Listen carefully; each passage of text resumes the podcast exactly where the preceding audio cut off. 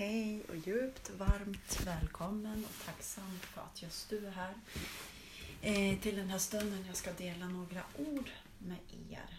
Eh, ni får tro vad ni vill, men ni kan bara lyssna på den här historien. Eh, vi skaffade en hund för R4, fyra, fyra år sedan, tror jag. Och eh, min man han är, liksom, han är inte uppvuxen med djur. Han har liksom aldrig fått... Ja men alltså, hans släkt har liksom inte varit i kontakt med så mycket djur. Men då kom den här hunden in i vårt liv. Och fullständigt, alltså han tyser mycket till Fredrik, heter ju min karl då. Och eh, både han och jag är nästan säker på att det här är det här, ni får ju tro vad ni vill.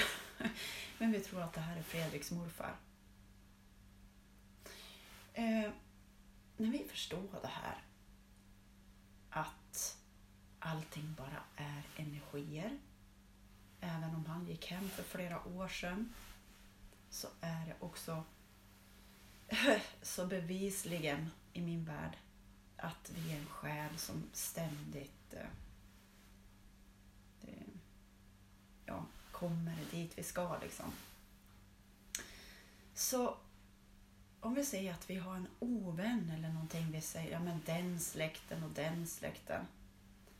Då är det liksom, när vi har någonting mot någon så behöver, då har vi den här energin i oss och vi behöver verkligen titta på den energin vad den speglar inom oss. Det här är ju med allting. Jag kommer ju på mig själv också med samhället när jag är arg och allting. Ja, men då har jag liksom någonting i mig som jag behöver lösa upp och titta på. Alltså det är ju så här hela tiden. Men ja, men alltså den släkten och den släkten. Egentligen skulle vi kunna fira eh, med vilka som helst för vi är alla bröder och systrar. Ja, så vilken kunde ana att jag kan älska Fredriks morfar så otroligt mycket. Att han kom in i vår familj. Jag kände ju inte han och jag var liksom, ja men, ja, bara hej, liksom heja på honom någon gång innan han gick hem. Och så kom han in i vår familj. Förstår ni? Vi tar ett andetag. Alltså vi säger, ni har någon i släkten ni absolut inte tycker om den visar bara att vi har någonting oläkt i oss som vi verkligen behöver titta på. Vad det nu än är för energi alltså. Titta på. Acceptera att den finns där. Ta det i din takt. Älska den.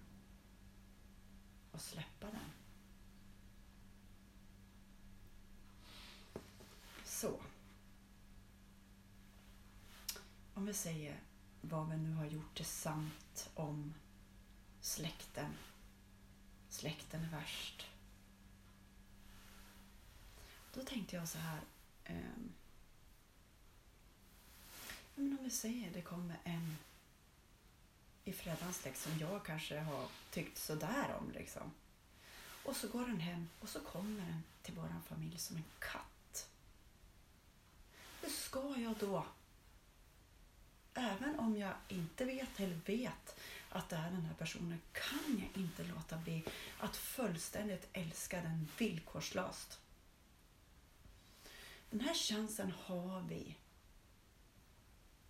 Att de ovänner, eller vad man nu har, kan vi komma tillsammans till rätta med inom oss själva, lösa upp de här knutarna för att sen kunna öppna handen och bjuda in den tillbaka till sitt liv. För allting är energier och vad speglar de i vårt inre? Det är det här lilla barnet som um, har känt massa saker som vi verkligen behöver trösta det här barnet i. Inte bara, ja men alltså, det är ju bara energier liksom. Jag ska ju tycka om den här ändå. Ja, ja den vägen vi ska vara ärliga. Det går inte något annat än att vara ärlig mot oss själva. Okej, jag känner så här för den här personen. Den, alltså, den väcker så mycket, den triggar så mycket inom mig. Och jag tänker kolla på det här. Jag tänker vända mitt fokus inåt. Jag tänker känna det. Möta det. Älska det. Och släppa det. Så jag kan gå ut och vara vän med vem som helst. Det är bara vad vi har gjort det sant i vårt mentala sinne som har blivit energi som är redo för att förlösas och släppas ur vårt system. Och som i mitt fall, våran hund som är Freddans morfar, behöver inte tro på det eller inte. Så kommer tillbaka och Freddan älskar honom så mycket. Den här hunden öppnar min mans hjärta Och det är jättefint. Jag börjar nästan att gråta. För vad ett djur kan göra. De bara är i kärlek.